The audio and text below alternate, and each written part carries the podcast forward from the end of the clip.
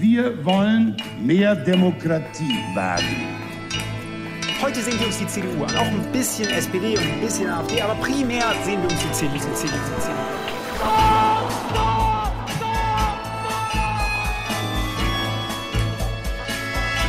Niemand hat die Absicht, eine Mauer zu errichten.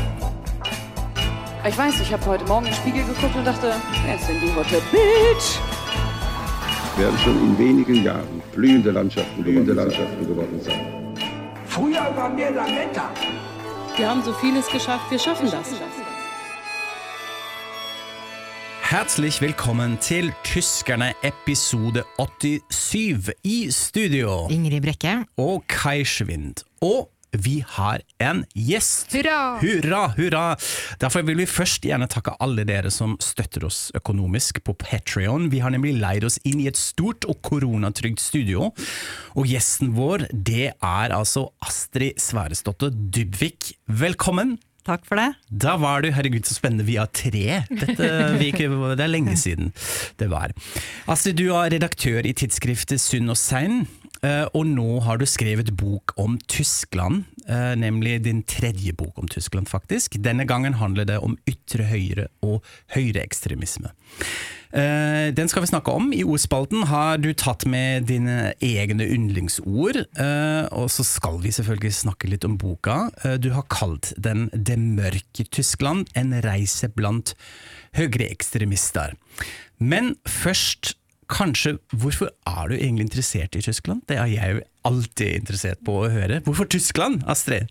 Ja, Det er jo et godt spørsmål, og det skyldes egentlig at faren min var tysklærer. eh, Og han innbilte meg da jeg var barn at alle sammen er nødt til å kunne snakke tysk.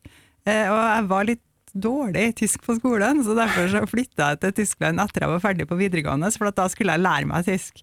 Og så er det sånn at hvis man først begynner med Tyskland, og lærer seg tysk, så kan man jo alltid lære mer, og så kan man jo finne ut mer og mer om landet, for det er jo et veldig stort land. Så det er bare at jeg aldri ble ferdig, liksom. Jeg kom aldri til fransk. så det, det er en av grunnene, da. Ok, Så det var også uh, mye reising dit etter hvert? Eller hvordan var det med, med avstand at du ble interessert og forelsket? Eller ble det reising dit òg? Ja, nei, det var Da jeg skulle begynne å studere på universitetet, så jeg tenkte at jeg visste ikke helt hva jeg skulle studere, så jeg tenkte at ja, men jeg har i hvert fall lyst til å studere tysk. Så jeg begynte å ta tysk, det som heter tysk grunnfag, og så studerte jeg senere i Leipzig, som, som ligger i Øst-Tyskland, og var sånn Erasmus-utvekslingsstudent i ett år. Eh, og da ble jeg så interessert at jeg også skrev masteroppgave i historie om en organisasjon som heter Bunter for Tribenen, som er en høyreradikal tysk organisasjon for folk som ble utvist fra Øst-Europa, tyskere da, som ble utvist fra Øst-Europa etter krigen. Og de har spilt en sånn viktig rolle på, en måte, på ytre høyre i, i Tyskland i hele, i hele etterkrigstida. Eh, og senere, altså Grunnen til at jeg ville skrive om tyske høyreekstremister nå, det var jo fordi at da AFD ble så stort, så så jeg jo at mange av de personene som, eh, som er sentrale i den bevegelsen, har tilknytning til den her fordrevne organisasjonen som jeg skrev om da jeg skrev masteroppgave. Så da så tenkte jeg at det, her er jo på en måte mine folk, da. Og i tillegg så har jo, eh, har jo AFD og den her høyreekstreme bevegelsen har jo mye større oppslutning i øst Ja. som også er på en måte min del av Tyskland. Jeg skrev jo om ei bok om det der, det var jo den første boka jeg skrev om Tyskland. Så jeg tenkte at det her foregår på, foregår på en måte på et felt som jeg har eh, vært veldig mye i før. Da. Så lurte jeg jo på hvordan alle dager er det mulig at de, av, de går fram. Det, ja, så, ja, jeg syns det var veldig merkelig, da. Så det mørke Tyskland, det var på en måte alltid en slags fascinasjon. Nå har du gått enda lengre inn, en reise blant høyreekstremister, har du kalt det. Når du tenker til, nå er boka ferdig, og du tenker tilbake på den reisen, eh, var det noe da som gjorde sterkest inntrykk, før vi ser litt nærmere på, noe som, du, som stikker ut? Jo, det, det, som jeg, det som jeg sitter igjen med sånn veldig i ettertid, er jo faktisk at uh, altså, det, det, det er en sterk eh, framgang for ytre høyre i Tyskland, og de gjør veldig mye ut av seg gjennom terrorangrep og gjennom å skape et veldig sånn vanskelig debattklima, sånn som det er fiendtlig eh, debattklima med veldig mye polarisering. Men det som jeg sitter igjen med mest, er jo at jeg husker på alle steder der jeg var eh, og møtte AFD-folk, og det var arrangement, så var det alltid en motdemonstrasjon. Uansett. Og det, og, det var, og det var ikke Antifa som demonstrerte, altså nødvendigvis sånne folk med, med svarte hettegensere som kaster brustein. Altså masse folk som er type vanlige folk. altså Det er de som jobber i barnehage, eller de, som er søndagsskolelærer, og den typen folk som sto, som sto og demonstrerte. Og ei som jeg møtte som var motdemonstrant mot Pegida i Dresden, det var en sånn pensjonist da, som hadde en sånn Jeg husker veldig godt på henne. Jeg, klart, jeg var veldig på om jeg skulle ta henne med i boka eller ikke. Hun heter Gabriele, og hun hadde en eh, teppebanker der hun hadde klistra opp en lapp der det sto Åmas gegen rechts, altså Ja. bestemødre mot, mot mm. høyreekstremister. Ja. Og hun bodde i ei sånn bygd utafor Dresden. Så, så sa hun at jeg skal demonstrere mot Pegida hver eneste mandag, så lenge de finnes. Hun gikk sammen med sånn antifa-folk, som er sånn ungdommer som kaster stein. Og hun var liksom stakk seg litt ut, da, for hun gikk jo i sånn fotformsko og langt, altså grått hår. da. Og så, sa hun at, eh, så spurte jeg hvorfor, det, liksom, hvorfor vil du demonstrere? Nei, det var fordi alltid når hun var barn, så hadde hun spurt foreldrene sine hvorfor gjorde ikke dere noe, hvorfor protesterte dere ikke? Og hun syntes det var så vondt å tenke på at foreldrene hennes ikke hadde protestert mot nazismen. Så da, for hun, nei, det her skulle hun bruke hver mandag på uansett eh, hva slags vær det var. Og det, så det gjør jo veldig inntrykk.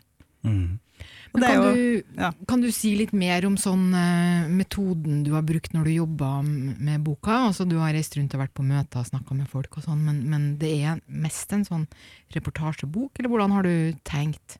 Jo, jeg tenkte at Det som jeg kan tilføre her, er jo at jeg, altså jeg er jo journalist, og at jeg har jo mulighet til å reise til de stedene der det skjer, og få snakka med med folk som er, som er engasjert enten på den høyreekstreme sida, eller som er engasjert imot dem. Da, at jeg har mulighet til å sant, være der de er, se dem i deres sammenheng og finne og beskrive hvordan det ser ut der. da.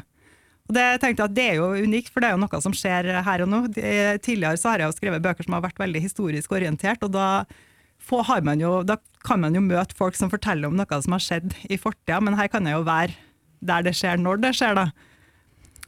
Eh, Vil du si at det er lettere å få tilgang, spesielt med det prosjektet her, eh, ved å være norsk når man introduserer seg, eller er det et hinder, eller hvordan er dette? Jeg, opplevde jo at, eller jeg syns generelt at det ofte er en fordel å være norsk i Tyskland. Jeg syns at jeg of, veldig ofte blir, blir møtt positivt. Og det skjedde jo også her. Og jeg fikk jo veldig god tilgang til, eh, altså, til intervju og møte folk som er på ytre høyre. Og det er folk som ikke nødvendigvis har så lett for å gi intervju, litt fordi at de er så sinte på alle tyske journalister, fordi at de er veldig konfronterende imot dem, og at de liker jo ikke den måten å være på.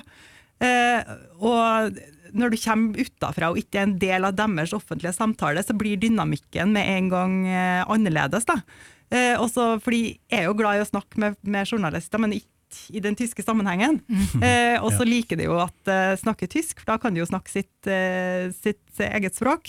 Og så tror jeg jo faktisk også at det var en fordel å være dame, da, for å, fordi at folk på ytre høyre de har jo kvinnesyn som er altså Kvinner hører bak, på kjøkkenet eller bak kjøkkenbenken, eller jeg vet ikke helt.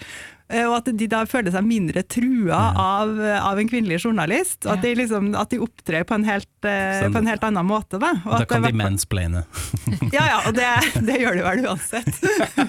Men at, at, det blir en mer, at du får en annen dynamikk i, i samtalen. da, Sånn at det i hvert fall gjorde at jeg fikk en tilgang da, som nok ville ha vært vanskelig for mange andre å få. da. Eh, Jeg har lyst til å spørre deg litt om Dresden, eh, fordi at mye av boka er, foregår jo i Dresden. Og der gjør du blant annet et intervju med nettopp en sånn som du fikk tilgang til, Ove Tellkamp, forfatteren. Eh, som man vel kanskje ikke skal kalle en høyreekstremist, men du har nå et ganske eh, stort intervju med han eh, der. Og, og han har jo skrevet denne romanen 'Tårnet', som også er oversatt til, til norsk. Men eh, si litt om hva er det med Dresden? Hvorfor har akkurat denne byen blitt nesten et slags sånn hovedsete for, dette, for det nye tyske ytre høyre? Altså, det er jo Saksen er jo den delstaten, altså Dresden er jo delstatshovedstad i Saksen, og Saksen er jo den delstaten der eh, AFD har gjort det aller best. Altså i eh, Forrige gang det var eh, forbundsdagsvalg, så ble jo AFD det største partiet i, i Saksen, og det var det eneste stedet de var aller størst. Eh, og det, Saksen har alltid vært mye mer eh, altså, borgerlig orientert da, enn det tidligere, tidligere, resten av tidligere DDR-området. Så der har De Linke har aldri vært noe sånn sterk, sterk politisk eh, kraft der. Det er jo også et sånn protestparti, men på, på, på ytre venstre. Mens i Saksen der er det jo en sterk protestholdning, da, men de flokker seg heller da mot, mot Høyre. Og Dresden er, er, vel at der har jo ytre Høyre hatt en sånn spesiell posisjon pga. at byen ble bomba. eh, under krigen. Og så har, altså har det, den her mytologien rundt at Dresden var sånn fryktelig offer for, for bombekrigen har levd veldig sterkt i bevisstheten der. Og en, altså rett etter murens fall så ble jo den uh, markeringa av bombinga av Dresden ble sånn fremste arrangementet for ytre høyre i Tyskland. At de skulle protestere da, mot den eh, såkalte terrorbombinga av, mm. uh, av Dresden. Men, men hvordan, ble, hvordan, ble, bombinga av Dresden behandla i, i kommunisttida der, da? Hvordan snakka man om det? Ja, det her er veldig interessant, fordi at, uh, fordi at i, i DDR så var bombinga av Dresden det var en markeringsdag. Men det var ikke fordi at de skulle Altså det var fordi at De ville framstille amerikanerne og britene som luftgangstere, og det var jo en del av den kalde krigen. Eh, og også sånn identitetsskaping for byen Dresden. fordi at byen Dresden det var jo Tysklands vakreste by før den ble, før den ble bomba. Og det var en ekstremt sterk bevissthet i Dresden om at det var en vakker kulturby. Og alt det som ble ødelagt uh, der. Altså, nå, altså den, den, bombinga av Dresden det var jo en brutal uh, bombing der mange menneskeliv gikk, gikk tapt, sjølsagt. Men den har altså, hele tida blitt instrumentalisert. Da, først av nazistene som som skulle vise hvor brutal uh, mot, krigsmotstanderne deres var. Og senere av kommunistene, som, som instrumentaliserte for å, som en del av den kalde krigen. Og så senere av nazister, da, som kaller det bombeholocaust. Da, og det er jo et retorisk forsøk da, på å likestille bombinga av Dresden med nazistene sitt folkemord. Ja. Uh, og det var jo ikke, altså det var jo brutal bombing, men det var ikke et folkemord i Dresden. Nei. Nei. Nei. Og så eh, er det jo sånn at Pegida starta vel i, i Dresden. Eh, og AFD er jo da mye større i, i øst enn i vest. Eh, men de alvorligste terrorhandlingene de siste årene, sånn Hanau og, og Halla og sånn, det har jo skjedd ikke i Halle, det var jo i, i, i øst. Men Hanau ja. var i, i, vest, og drapet på Walter Dybke var i vest. Men er det litt sånn at, uh, at vest er mer voldelig høyreekstremt, og, og, mens det står sterkere i det, det du var litt inne på, sånn borgerlig eh, høyreekstremisme, eller hva man skal kalle det, at det er et skille mellom eh, øst og vest, eller hvordan tenker du? Ja, og det, det, er litt viktig å, å, merke seg også, fordi at det, det, som sjokkerer med det som skjer i øst, er ikke egentlig at de er så brutale der, eller at det nettopp at Det var også på 90-tallet, da det var masse vold i, altså nynazistisk vold i Tyskland, så var jo også de mest alvorlige angrepene i, i Vest-Tyskland. Men så husker man likevel på øst hele tida, for det var jo på 90-tallet at det her Dunkel-Deutschland-bildet av Øst-Tyskland eh, dukka opp. Men det, som, det, som, er forskjellen, er at man i øst hele tida har um, at det er åpenbart at uh, de, de, hendelsene som skjer, har mye sterkere støtte i befolkninga. Ja. Eh, og det var, det var, også de der hendelsene med Rostock, og så var det også i en staksisk by som heter Hoier Sverda, som skjedde på 90-tallet, som ble omtalt av pressa som pogromaktig. Og det var egentlig det var ingen som ble drept der, men de satte fyr på noen hus som det var noen innvandrere som var inni, altså boligblokker der det bodde innvandrere. Eh, og det som var sjokkerende, det var jo at det sto hundrevis av folk ut, utafor og klappa. Mm. Det var det som, det var, det som var det sjokkarta. Eh, altså, det var jo ingen som ble drept. I Vest-Tyskland så var det jo hele familier som ble myrda av nynazister. Men det at du ser den der folk, applauderende folkemengden, det er det ja. som er forskjellen. Da. Ja, det hadde, sorry, men det, dette hadde en stor betydning. Jeg husker det, det da jeg ble politisk aktivert. Da var jeg 15 eller hva, og vi gikk ut og demonstrerte i gatene fordi disse Rostock og Høyesverda-bildene var så sterke.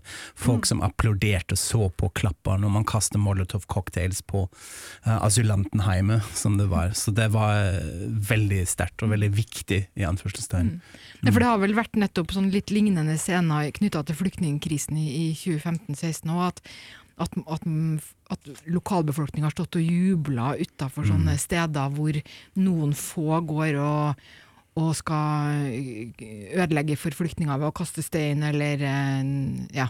Mm. Ja, det var det som var de mest sjokkerende bildene også fra 2015, var jo fra øst, med de her store folkemengdene.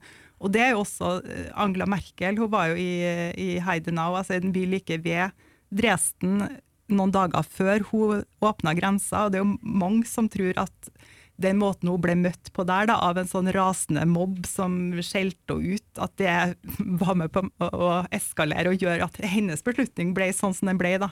Mm, At hun så det som et eh, humanistisk imperativ å åpne den tyske grensa. Men eh, eh, apropos dette med øst og vest, i, jo, i år er det jo supervalgår, og det har jo vært valg i, i to delstater i vest, og så er det jo om noen uker, 6. juni, så er det da valg i Saksen-Anhalt. Og det er jo en av de delstatene hvor AFD nå på målinga ligger på sånn 20% og det nest største partiet. Um, hva tenker du om, om hvordan det valget kan gå? Gjør det noe inntrykk på velgerne der? Tror du dette med at um, Verfassungsschutz er så inne i bildet nå at kanskje hele partiet eh, blir eh, overvåka og klassifisert som høyreekstremisme, betyr det noe for, for velgeroppslutninga, tror du? Det ser jo ikke ut som at det betyr så mye i, i Saksen-Anhalt, men de, det, det var jo delstatsvalg i to vestlige delstater tidligere i år, og da gikk jo AFD betydelig ned. Eh, Og det regner man jo med pga. at Verfassungsschutz sier at de, at de er høyreekstreme. Eh, Men i, altså, i Saksen-Anhalt er jo en ganske tallmessig ganske liten delstat. Det, må vi jo, det er jo ikke så mange innbyggere der. Men der er det jo en sånn der, der er det jo veldig mange av de som går og stemmer, folk som, som har lite tro på demokratiet, og som har lite tro på det politiske systemet. da. Eh, og som da syns at AFD har noen svar på noe av det som, som plager dem. Da.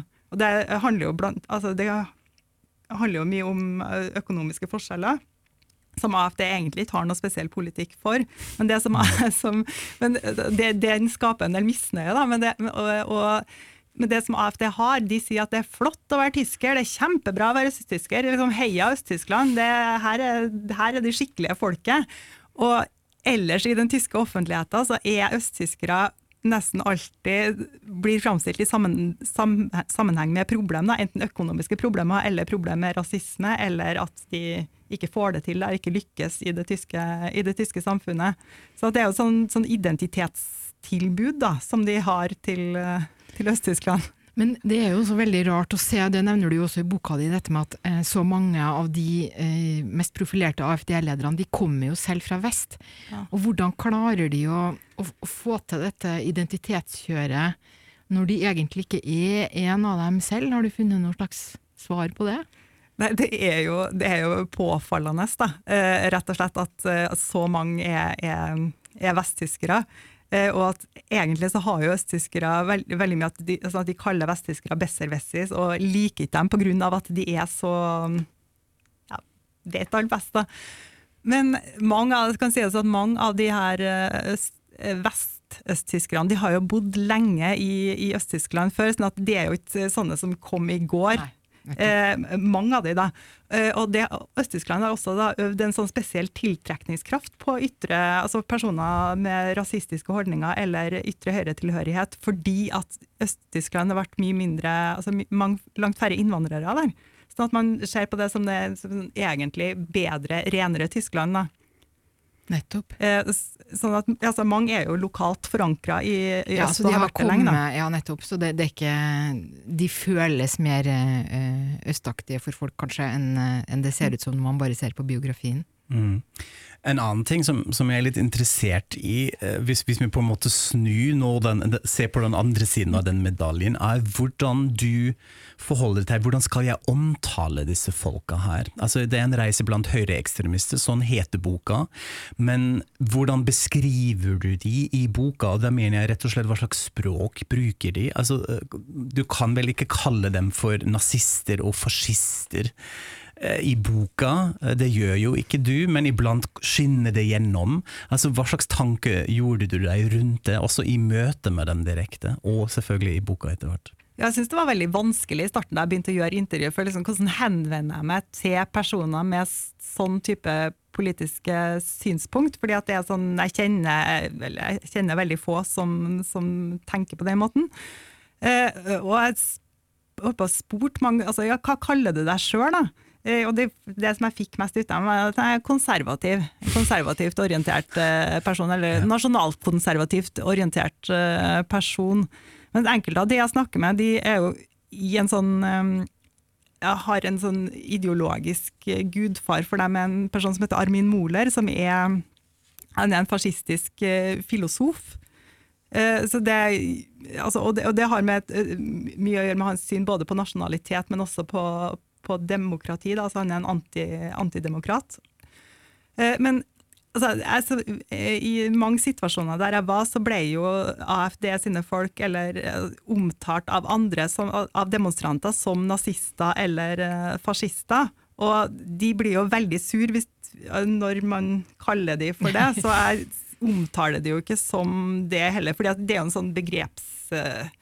Det blir en sånn begrepsdebatt, da.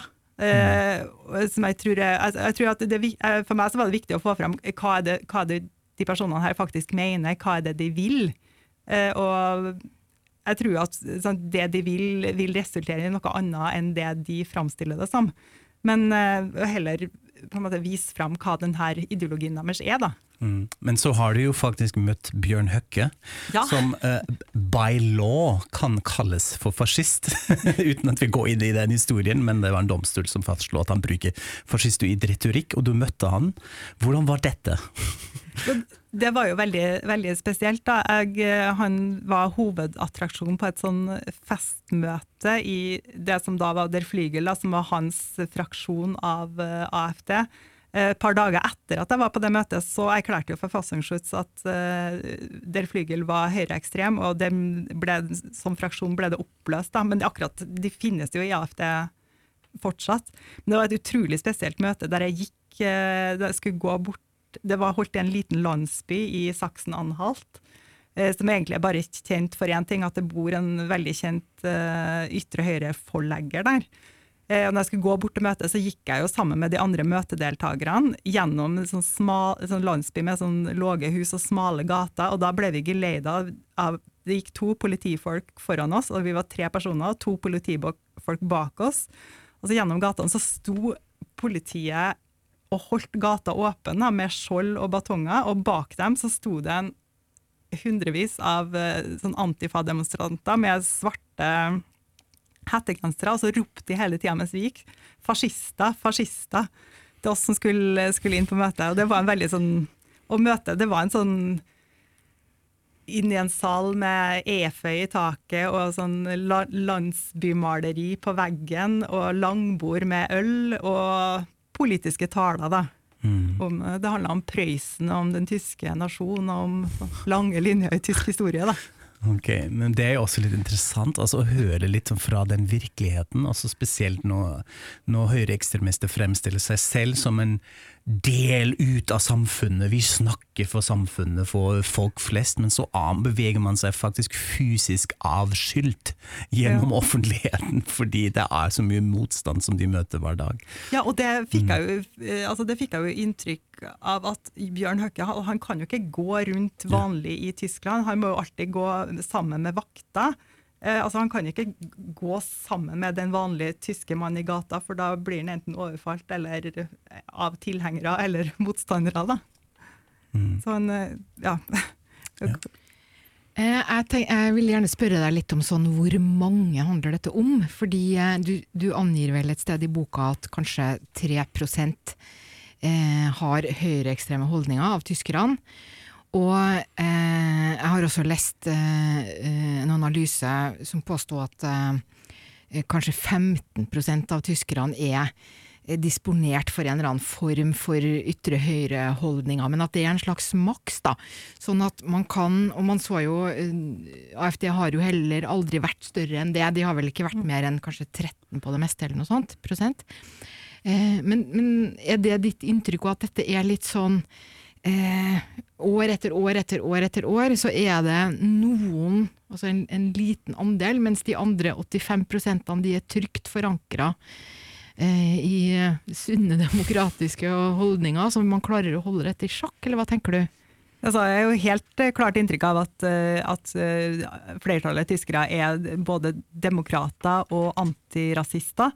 Men den her, altså, den her undersøkelsen som viser at det er ca. 3 som er høyreekstrem, den er jo del av et forskningsprosjekt fra universitetet i Leipzig som har gått over flere år. og Det, det prosjektet viser jo at altså, personer med høyreekstreme holdninger har vært altså at det blir færre av det. da. Oh, ja. eh, at, at, De siste 20 årene så har det blitt færre egentlig høyreekstremister i Tysk Tyskland. Og det er jo ikke så rart, fordi at det har med generasjonsskifte å gjøre. da, At det blant de eldre var ja. en holdning som var befesta pga. det samfunnet de vokste opp i.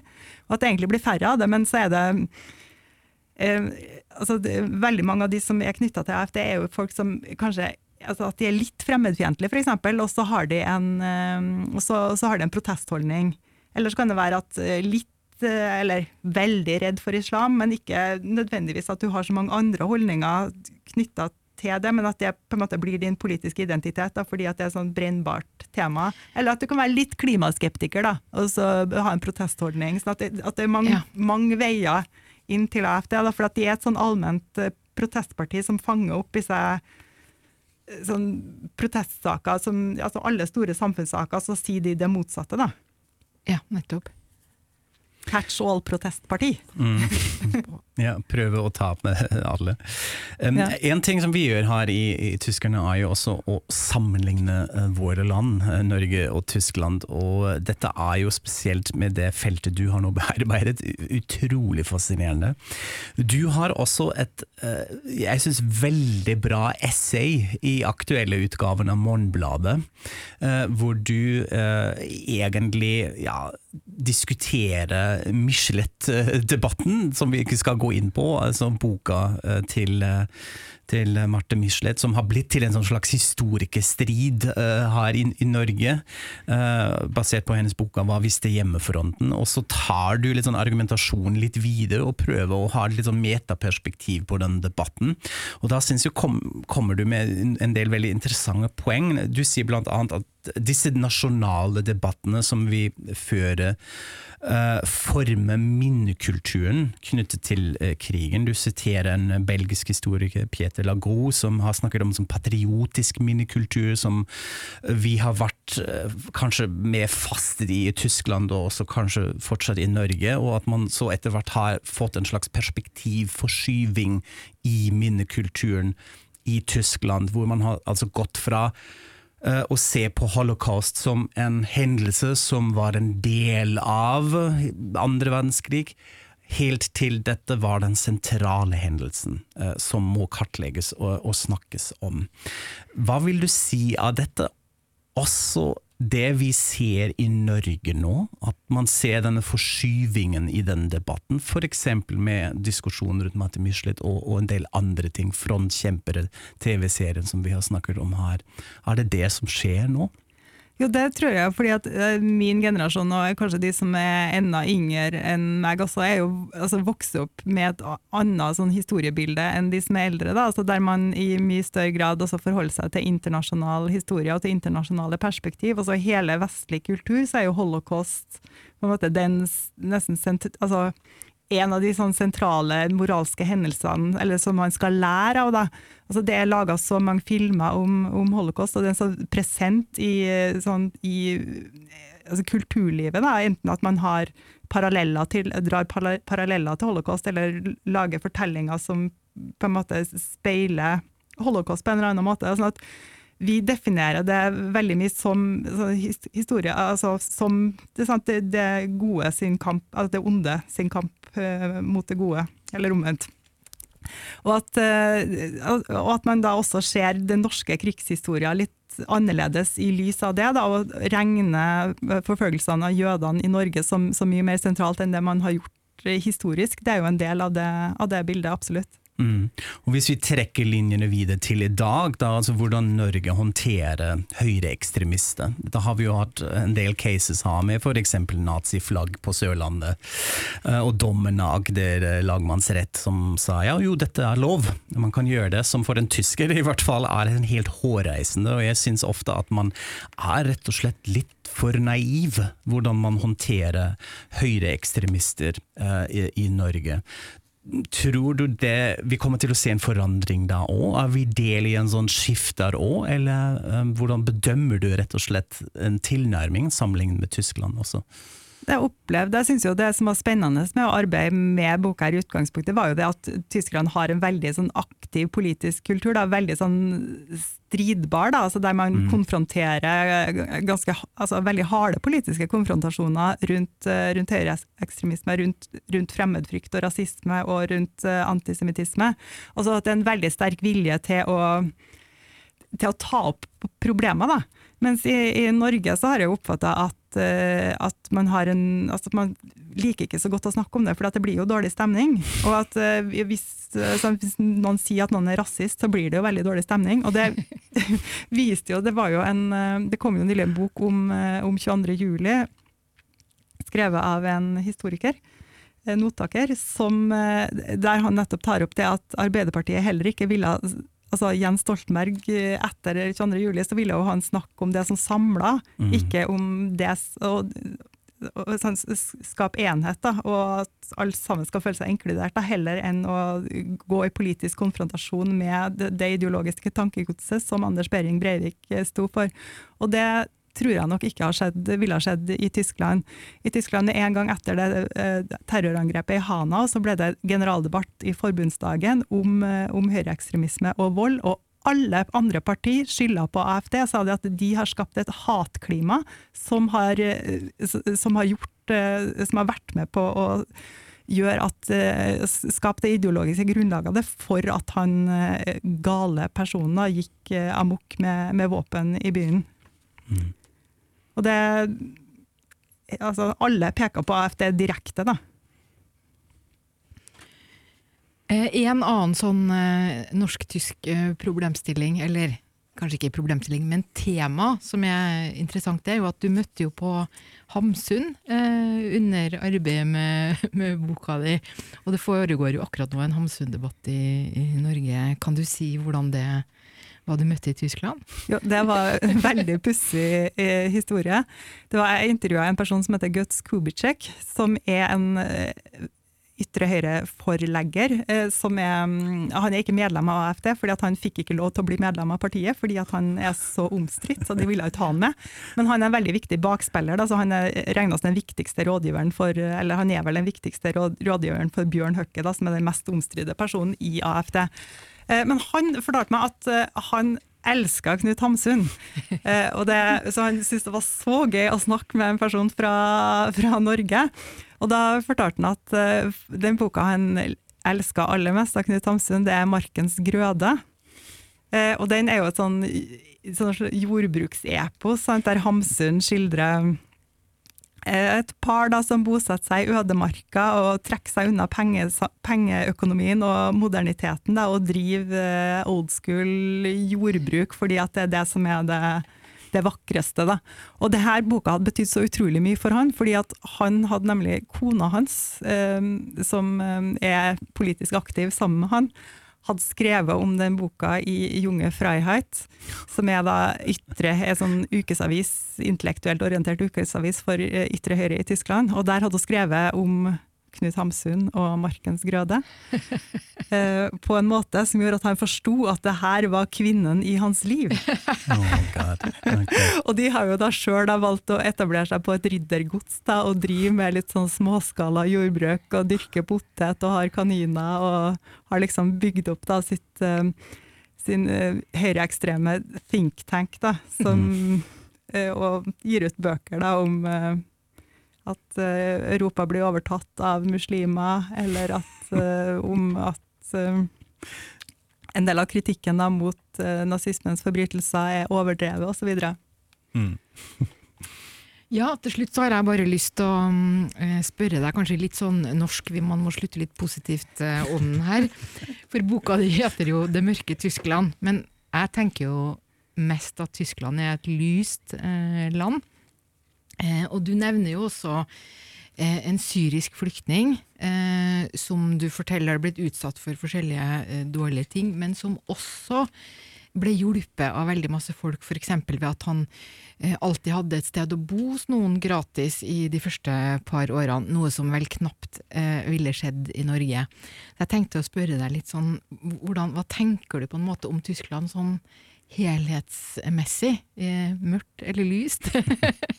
Ja, altså, det, den tittelen, 'Den mørke Tyskland', den er jo uh, rappa litt fra, fra Joachim Gauck, egentlig, da, som tidligere uh, president, som, som, som omtalte Øst-Tyskland i 2015 som 'det mørke Tyskland'.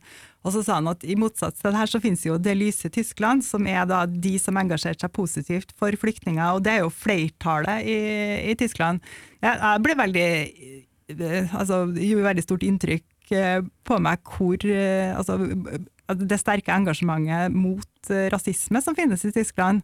Eh, Og det at så mange ønsker å stille opp frivillig og hjelpe eh, flyktninger som kommer til landet. Altså, jeg, ble veldig altså, Jeg har ikke sett på maken, da, for, å si det sånn. Altså, det har vært veldig altså, Jeg kjenner jo mange i Norge som, som er, har positive holdninger til flyktninger, men det er f.eks.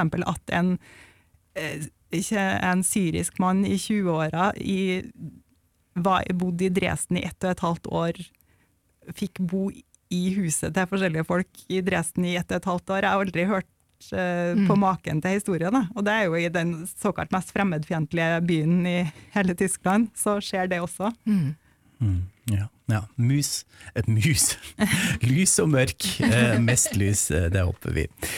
Det er nå tid for ordspalten, men før Astrid forteller oss det ordet som hun har tatt med til i dag, ville du, Ingrid, ha en avklaring? Ja. Er dette? Nei, jeg tenkte jeg skulle benytte anledningen, fordi eh, jeg vil gjerne ha en god forklaring på norsk av ordet følkers. For det er jo ganske viktig når man skal snakke om ytre høyre. Eh, men, og jeg føler liksom at jeg forstår det intuitivt, men jeg syns det er kjempevanskelig å forklare. Men det skal altså du få gjøre, Astrid.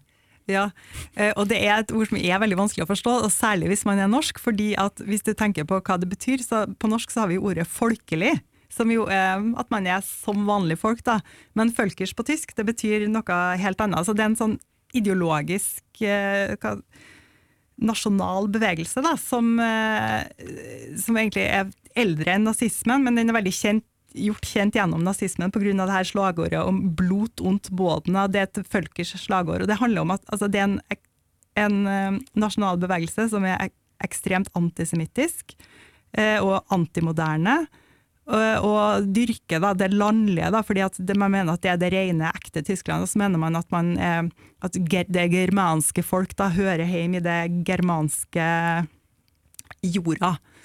Eh, og den, den, den her bevegelsen, altså eksempel eh, assosiert veldig med bruk av folkedrakter. Mm. og sånn type sånn landlig lykke. Da. Og det skjer og også med sånn dyrking av, av det nordiske, for at det er en sånn allgermansk tanke. Da, at eh, sånn, Nordmenn og svensker er også en del av, deres, av det følkerske prosjektet. Da, man, man, Ja, at, eh, altså, for det, det er ikke bare tysk, da, det, det er større. Eh, og, det, og det ser man jo på mange av de aktørene på, på ytre høyre, at de er følkers. Eh, og altså, altså Innenfor nazismen så var det her en, altså en viktig del av idégrunnlaget for nazismen. Og de altså, mest kjente eksponentene i NSDAP for det følkerske, det var jo Heinrich Himmler, som er den største krigsforbryteren av de alle, og en kar som heter Rudolf eh, Hess. Eh, Så det, det er gode grunner til at det følkerske tankegodset da, er ekstremt eh, problematisk, i, altså for det er også knytta til rasebiologisk tankegang. Da. Det var siste Nei, poenget. jeg, det var bare, jeg bare kom på det nå når du snakka at eh, Jeg husker jeg leste for noen år siden en artikkel om noe som ble kalt for nordisk oppdragelse. Og det var veldig autoritær oppdragelse.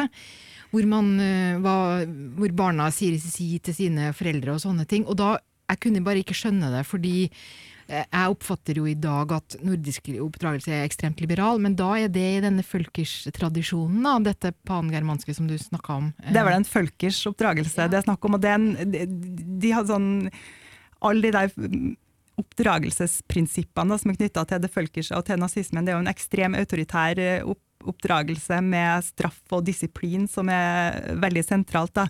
Og det er jo mange av de som er på ytre høyre, det er jo folk som er oppdratt i familier som har praktisert en sånn type oppdragelse også fordi at de har ideologisk tilhørighet der de har. Da. Så det er jo mange som At det er familietradisjon da, å være på den sida i politikken. Mm. Der fikk du forklaringen, men nå er det nok nazispråk her, dere. Nå vil, jeg, nå vil jeg høre ordet som Astrid har tatt med seg i dag. Hva er dette? Det er verhaft.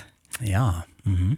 Og det er som i da værhafte demokrati, som er et eh, ord som stadig nå da dukker ofte dukker opp i den uh, tyske samfunnsdebatten.